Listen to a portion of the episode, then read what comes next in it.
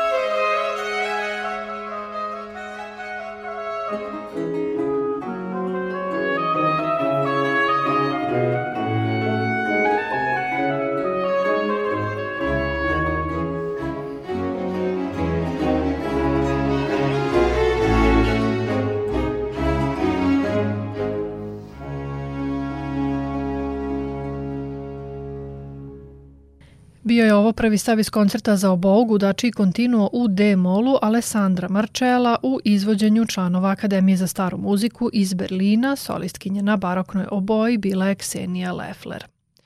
Svi vodeći venecijanski kompozitori 18. veka, među njima i svestrani Marcello, poreklom iz plemićke porodice, bili su povezani sa muzičkim životom tamošnjih sirotišta, a Venecija je imala četiri takve ustanove – Ospedale della Pietà, Ospedale degli Incurabili, Ospedale di Santa Maria dei Dereliti i Ospedale di San Lazzaro dei Mendicanti. To su početku bile ustanove koje su pružale pomoć onima kojima je to bilo potrebno da bi kasnije izrasle u prave preteče muzičkih konzervatorijuma. Osnivanje ženskih ansambala pri ovim bolnicama u početku je imalo za cilj njihovo učešće u bogoslužbenom životu institucije – Kada su upravnici bolnica shvatili finansijski potencijal, počeli su da angažuju kompozitore za potrebe razvijanja muzičkog obrazovanja i izvođaštva unutar tih institucija, što je potom dovelo do većeg broja donacija od strane imućnih pokrovitelja. Tako su za potrebe školovanja devojaka angažovani vrsni muzičari poput Antonija Vivaldija, Giovannija Legrencija, Francesca Gasparinija, Nikole Porpore, Baldasarea Galupije, Johana Adolfa Hasea i drugih. Brojne kompozicije pisane za obou, naročito iz opusa Antonija Vivaldija, ali i drugih kompozitora, potvrđuju činjenicu da je taj drveni duvački instrument bio veoma popularan. Od 1707. godine bolnica Milosrđa je redovno na svom platnom spisku imala nastavnika oboje, a poznato je barem jedno ime obojiskinje iz te ustanove – Pelegrina. Jedan engleski posetilac Edmund Wright 1720. godine ostavio dragocene podatke o muzici koja je negovana u tim bolnicama. Svake nedelje i prilikom drugih praznika u kapelama ovih bolnica priređuju se koncerti vokalne i instrumentalne muzike koju izvode devojke. One se nalaze na Horskoj galeriji iza gvozdene ograde koja ih skriva od publike. Njihovo izvođaštvo je na veoma visokom nivou, neke od njih imaju predivne glasove, a sve to je još prevlačnije zato što su one skrivene od pogleda publike. Slušamo još jednu kompoziciju namenjenu devojkama u bolnici Milosrđa, ali sada iz opusa Antonija Vivaldija, trostavačnu sinfoniju za gudači kontinuo u G-duru il Coro delle Muze u izvođenju ansambla i muzići.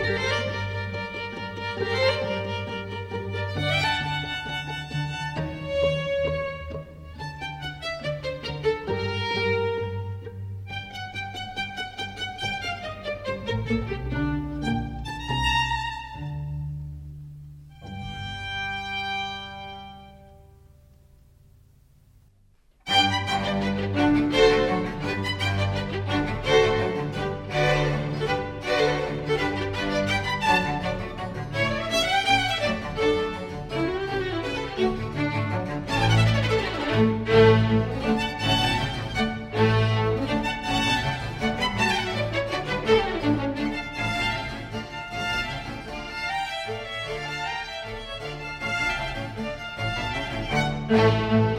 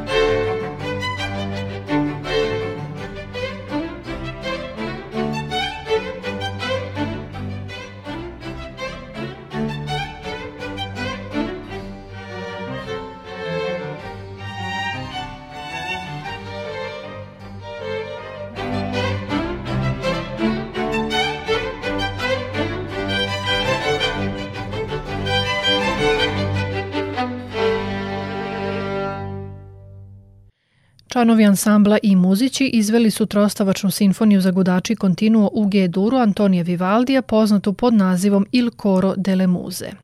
U emisiji Muzički salon govorimo o venecijanskim sirotištima 18. veka u kojima je razvijen bogat muzički život zahvaljujući talentovanim štićenicama, vrsnim kompozitorima i bogatim pokroviteljima.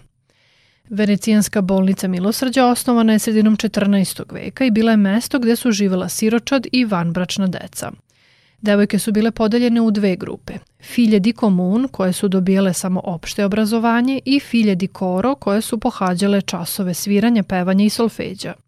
Iako su dobijale vrhunsko muzičko obrazovanje, nije im bilo dozvoljeno da nastupaju van institucije. Mnoge su ostajale u bolnicama do kraja svog života, podučavajući mlađe muzici, dok su neke uspevale da se udaju zahvaljujući svom obrazovanju. Antonio Vivaldi je radio kao rezidencijalni kompozitor i nastavnik muzike u bolnici Milosrđa oko 30 godina. Svakodnevno je podučavao devojke u pevanju i sviranju, pisao je muziku i priređivao koncerte na kojima su nastupale njegove talentovane učenice. Osim podučavanja, Vivaldi je imao obavezu da komponuje i po dve mise i večernje službe godišnje, kao i dva moteta mesečno za potrebe sirotišta. Za devojke koje su nesrećnim slučajem dospevale u ova venecijanska sirotišta, muzičko obrazovanje na visokom nivou predstavljalo je pravi blagoslov, a muzička istorija je postala bogatija i bez sumnje zanimljivija upravo zbog toga što su žene bile u centru muzičkog života Venecije. Iz opusa jednog od najznačajnijih baroknih kompozitora i najuglednijih vokalnih pedagoga Nikole Porpore slušamo u nastavku emisije Sinfoniju A3 u G-duru u izvođenju ansambla Europa Galante.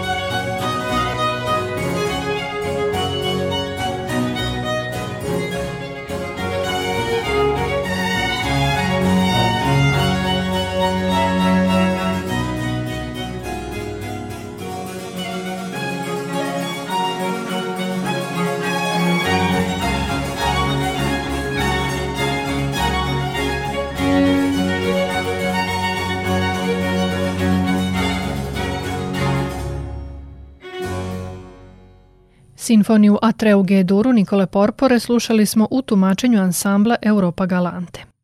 Tema današnje emisije tiče se muzike koja je nastajala pod okriljem venecijanskih sirotišta u kojima je živelo na stotine devojaka, među njima i one talentovane za sviranje i pevanje.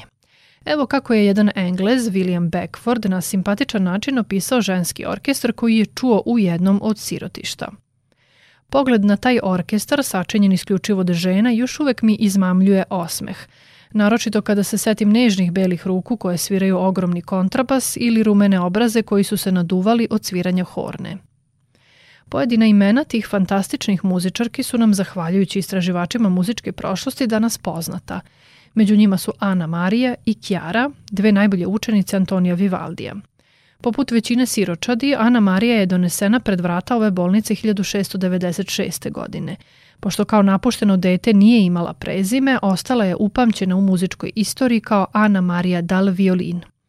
Učeći muziku od Vivaldija, postala je jedna od najcenjenijih violiniskinja svog vremena.